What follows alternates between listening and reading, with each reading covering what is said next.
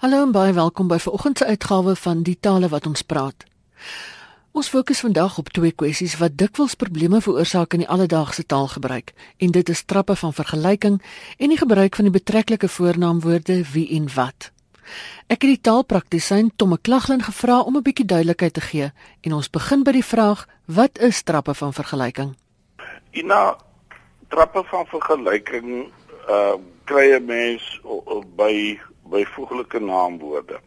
Nou byvoeglike naam die op daar is 'n groot klomp byvoeglike naamwoorde wat die eienskap of uh kwaliteit wat die ding benoem wat die byvoeglike naamwoord benoem op verskillende kom ons sê nou maar vlakke van intensiteit kan benoem. 'n Mens sal byvoorbeeld sê dit is 'n mooi skildery.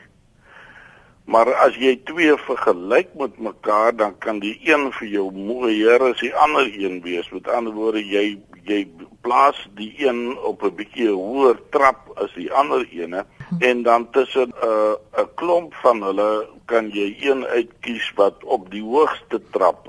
Met ander woorde, dit is wat ons nou in die gewone ehm um, gewoonlik noem trappe van vergelyking. Met antwoorde jy vergelyk letterlik een op 'n uh, voorwerp met 'n ander en jy sê die een is op 'n bietjie uh, ander vlak as die as die ander een of hulle kom die hoogste of, of die mooiste of die watter vlak ook al.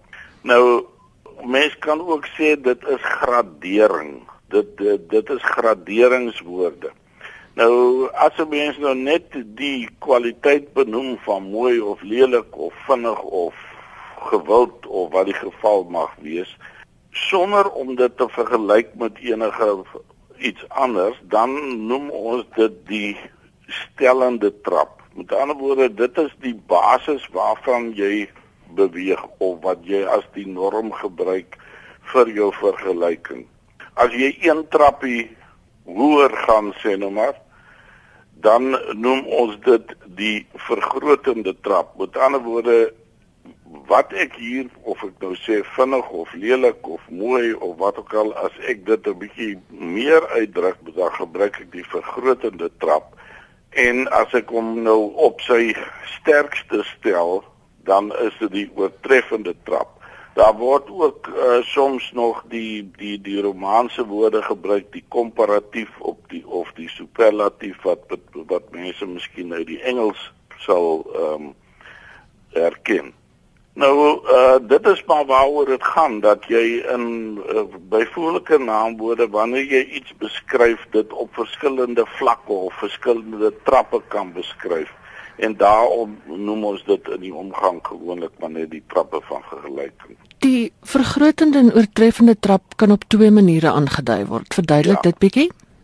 In Afrikaans uh en in Engels ook kan 'n mens dit op twee maniere doen. Die een is wat ons nou ek het nou net al gesê uh, dit is 'n dis 'n vorm van gradering, né? Dat hmm. die een 'n bietjie uh, uh sterker uitgedruk word of as die ander ene.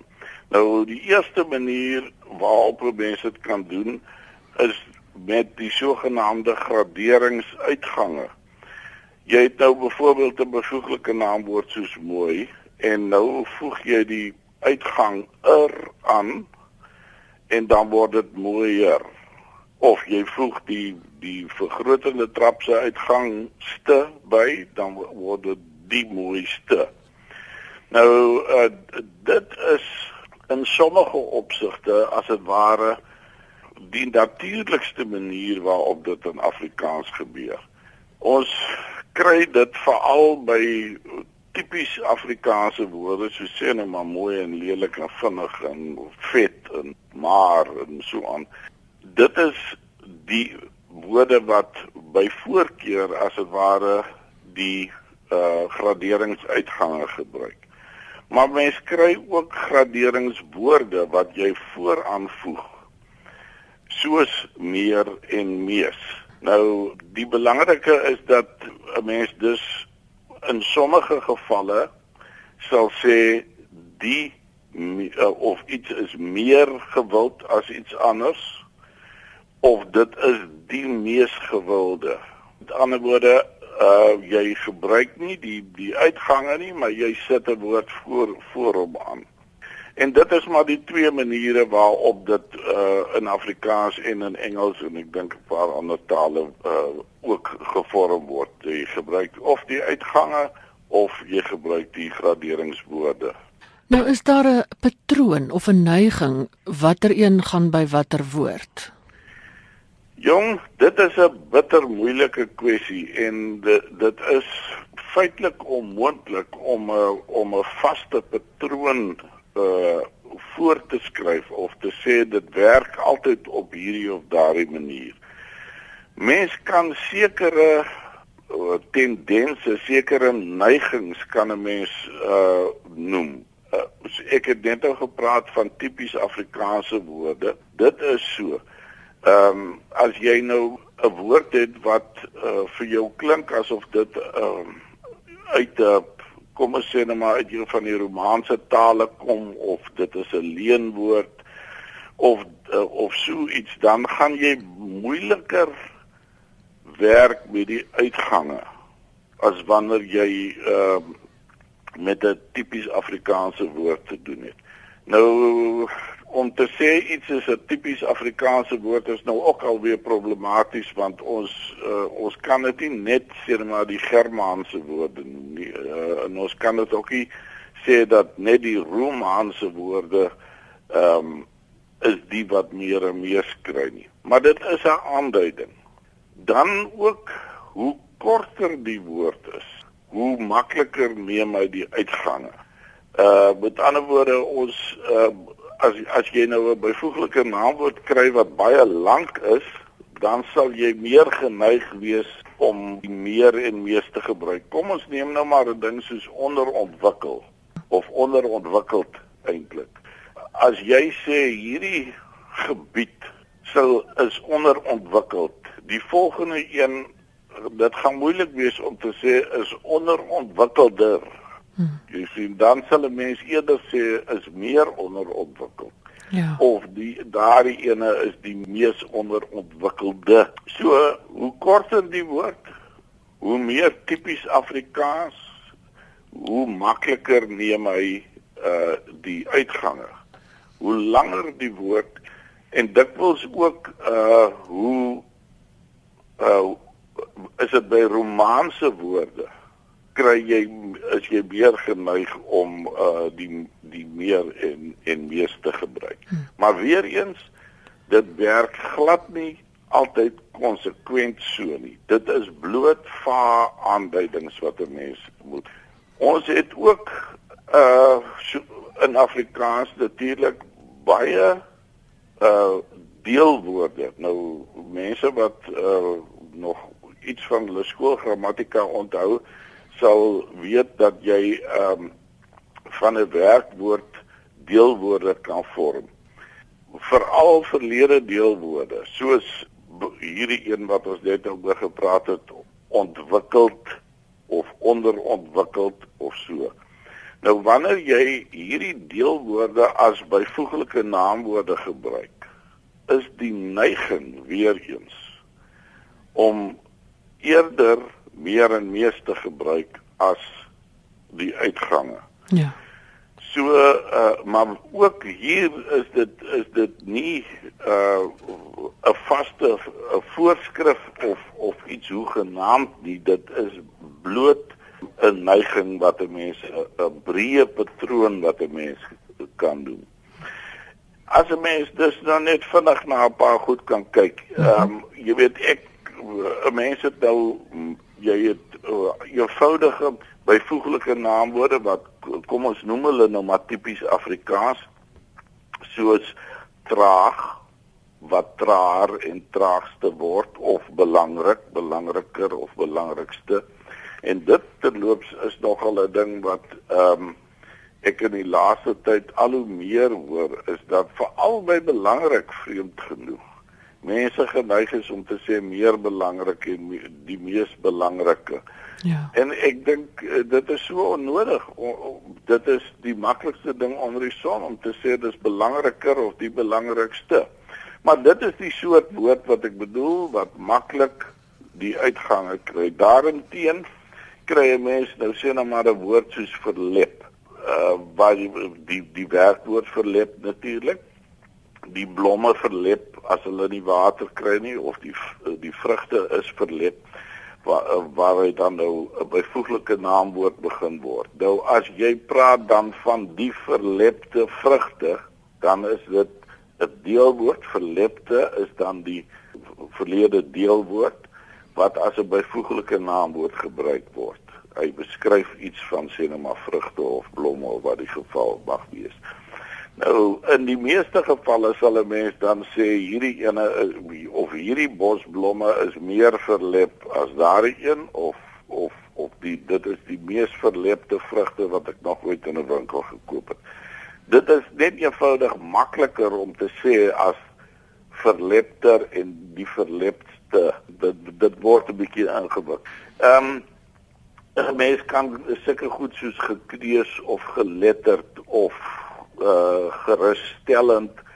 Ehm um, gerusstellend is 'n interessante ene want jy sal maklik kan sê dit is meer gerusstellend of die mees gerusstellende, maar dit is ook nie so moeilik om te sê die een is gerusstellender as daai een nie. So ehm um, dit hang baie af van watter soort byvoeglike naamwoorde mens eintlik mee te doen het. Maar wat nie werk nie is mees gewildste. Ja. Kyk, wanneer dit by die uh byvoeglike naamwoorde die trappe van vergelyking kom, soos ek nou probeer verduidelik het, is daar nie 'n vaste patroon of 'n vaste voorskrif nie. Net hierdie neigings. Maar daar's een ding wat 'n mens wel kan sê. En dit is jy moet nooit die twee goed meng nie. Met ander woorde of of terselfdertyd gebruik nie. 'n Mens kan nie die graderingswoord terselfdertyd as die graderingsuitgang gebruik nie. En dit is nou 'n aardig genoeg 'n ding wat in die laaste tyd verskriklik sterk sy kop uitsteek in Afrikaans is dat mense so iets sê soos dit is die mees gewildste ding. En dit is natuurlik jy sê dieselfde ding oor en oor. Jy sê dit twee keer. Want die mees dui aan dit is die oortreffende trap en die ste dui dit aan. So jy het 'n vermenging hier van van twee stelsels wat uh eenvoudig as foutief beskou moet word. Dan is daar ook ander moeilike soort woorde wat mens dikwels hoor, iets soos byvoorbeeld snel groeiende, snels groeiende. Hoe werk daai soort woorde of daai ja. samestellings? Die jong, dit is nogal 'n interessante ding want daar gebeur twee goed. Of twee goed kan gebeur liewers. 'n Mens het hierdie kombinasie wat uh wat genoem word 'n graadwoord, so sê nou maar snel of vinnig en 'n deelwoord soos groeiende. Ja, wat saam gebruik word om iets anders te beskryf. Kom ons sê nou maar 'n 'n vinnig groeiende 'n stad of 'n snel vloeiende rivier. Nou twee goed kan daar gebeur. Die een is as 'n mens so 'n kombinasie kry, dan is die vergrotende trap dikwels baie ongemaklik. Jy sal nie sommer maklik sê dis 'n sneller vloeiende rivier nie. Jy weet ek, ek dit dit werk net nie lekker nie. Mense sal eerder sê hierdie rivier vloei vinniger as daai een of wat die geval mag wees, ja. jy weet. Ja. So die die vergrotende trap werk dikwels by daai soort kombinasies nie vreeslik lekker nie. Die tweede een is in die oortreffende trap is die Afrikaanse idioom dan dat die graad word die eerste een soos vinnig of snel nie die volledige uitgang kry nie. Met ander woorde, ons sal nie sê die snelste groeiende stad nie, maar die snels groeiende stad. So dit is 'n dis 'n verkorte uitgang wat gebruik word. Die ander interessante ding wat gebeur is dat baie keer groei die goed vas aan mekaar. So sê net maar iets soos hoogliggend. En dan begin die kombinasie as dit ware 'n lewe van sy eie aanneem. En hy uh, tree dan heeltemal op as 'n byvoeglike naamwoord en nie meer as 'n woordgroep van twee twee goed nie. En dan skuif die graderingsuitgang na agter toe. Met ander woorde, mense sal byvoorbeeld iets kan sê soos uh die snel groeiendste stad as snel groeiend vir jou 'n vasgegroeide uh, selfstandige uh, uh, byvoeglike naamwoord geword het, jy weet. Ja. Maar uh dit gebeur nie vreeslik baie nie. Ek is uh, huiwerig om dit te gebruik. Daar is 'n uh, 'n paar gevalle uh, wat mense miskien kan sê dit het reeds plaasgevind. Maar in die meeste gevalle dink ek is die veiligste om die twee goed uh, afsonderlik te hou en jou gradering dan te doen by die eerste woord. Met ander woorde snel of vinnig of uh, hoog of wat die geval mag wees. Uh, en nie by die tweede woord nie. Met ander woorde jy sal sê 'n hoër liggende plaas en die hoogs liggende plaas en man nie eerder as die hoogliggendste of die hoogliggender plaas ja. as jy volg wat ek bedoel. Ja, ja. So ons moet maar net hard werk om die regte een gedurig te gebruik sodat dit die een is wat bekend is op mense se oor. Ja, ek dink so. Ek dink mense het of ek hoop dat 'n mens nog genoeg van jou moedertaal aanvoeling het om agter te kom wanneer iets daarom nou 'n bietjie vreemd is. Maar ek moet sê as ek nou hoor dat mense altyd praat van die uh, meer belangrike ding in plaas van net die belangriker ding of so iets of as hulle hierdie soort van uh kombinasie maak wat ons net oor van gepraat het soos die mees gewildste ja. ding daai ding dan begin ek te twyfel of mense werklik nog die aanvoeling het. Ek self probeer om in my werk ehm um, soveel as moontlik die uitgange te gebruik. Maar uh, dit wil nie sê dat uh, 'n uh, mens nie soms die graderingswoorde op moet gebruik. Want om jy weet amper resepmatig te sê jy moet altyd ernstig gebruik is eenvoudig om uh, om jouself in 'n hoek in vas te verf. Daar's 'n ander kwessie wat ek wil hê ons net kortliks na moet kyk en dit is die betreklike voornaamwoorde wie en wat ja. en hoe dit gebruik word want mense hoor ook dikwels die boer wie in plaas van die boer wat. Ja. Hier het die mense te doen met dink ek met Engelse invloed omdat jy in van die Engel in Engels en van die Europese tale dit uh, nog 'n onderskeid maak tussen uh, die betreklike voornaamwoord wat mense benoem of wat na mense verwys en die wat na dinge verwys. In Engels sal jy byvoorbeeld uh, sê the man who or the man that, maar kom ons sê net maar jy sal who gebruik vir 'n persoon 'n mens. Hmm. Maar jy sal nie byvoorbeeld sê the table who nie. Ja daar sal jy sê the table which or the table that.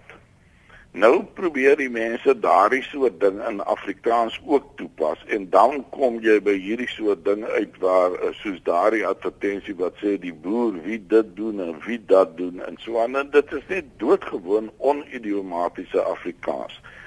In Afrikaans sal ons altyd sê die man of die vrou of die kind wat daar loop of die boer wat dit of dat doen of die president wat so en so sê jy sê nie daar wie nie wie is inderdaad moontlik maar bitter selde of nooit sonder iets wat bykom nie met ander woorde as ek kan sê die die vrou van wie ons gepraat het, dan is wie reg.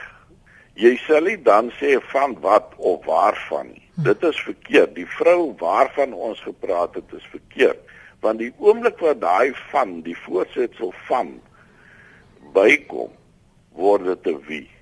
Met ander woorde, die kind met wie ek gesels het. Of jy het daardie besitspartikel se die kind wie se driewielstukkend is. So wie is heeltemal korrek wanneer daar iets bykom. Maar as daar nie iets bykom nie, dan is dit wat in Afrikaans ongeag of dit 'n ding of 'n mens is. En 'n mens hoor ongelukkig soos daardie irriterende advertensie uh dat dat hulle hierdie onidiomatiese wie gebruik. Jonge, weet jy en dan 'n ander ding wat daarmee saamhang is dat mense baie dikwels dan uh byvoorbeeld iets so sê net maar passasiers of drenkelinge of vlugtelinge en dan gebruik hulle waarvan in plaas van van wie. Hmm. Hulle sou jy sou sê ehm um, die Italiaanse uh vloot het 'n uh, skip vol vlugtelinge of uh, gekry waarvan 10 jy weet dood is hmm. of of wat ook al of ontwater was of iets dergeliks. En dit is daar is dit nie korrek nie, dan moet jy sê van wie 10 ontwater was. So ehm um, ek dink natuurlik afgesien van die feit dat 'n mens ehm um, op jou moedertaal intuïsie staat maak om dit reg te gebruik. Dink ek natuurlik ook mense moet eenvoudig veral op skool geleer word wat is korrek. En dit moet eenvoudig in jou aangedrul word. Dit was die taalpraktisyn Tomme Klaglin. Dis ongelukkig alwaar vir ons tyd het en van my Ina Strydom groete tot 'n volgende keer.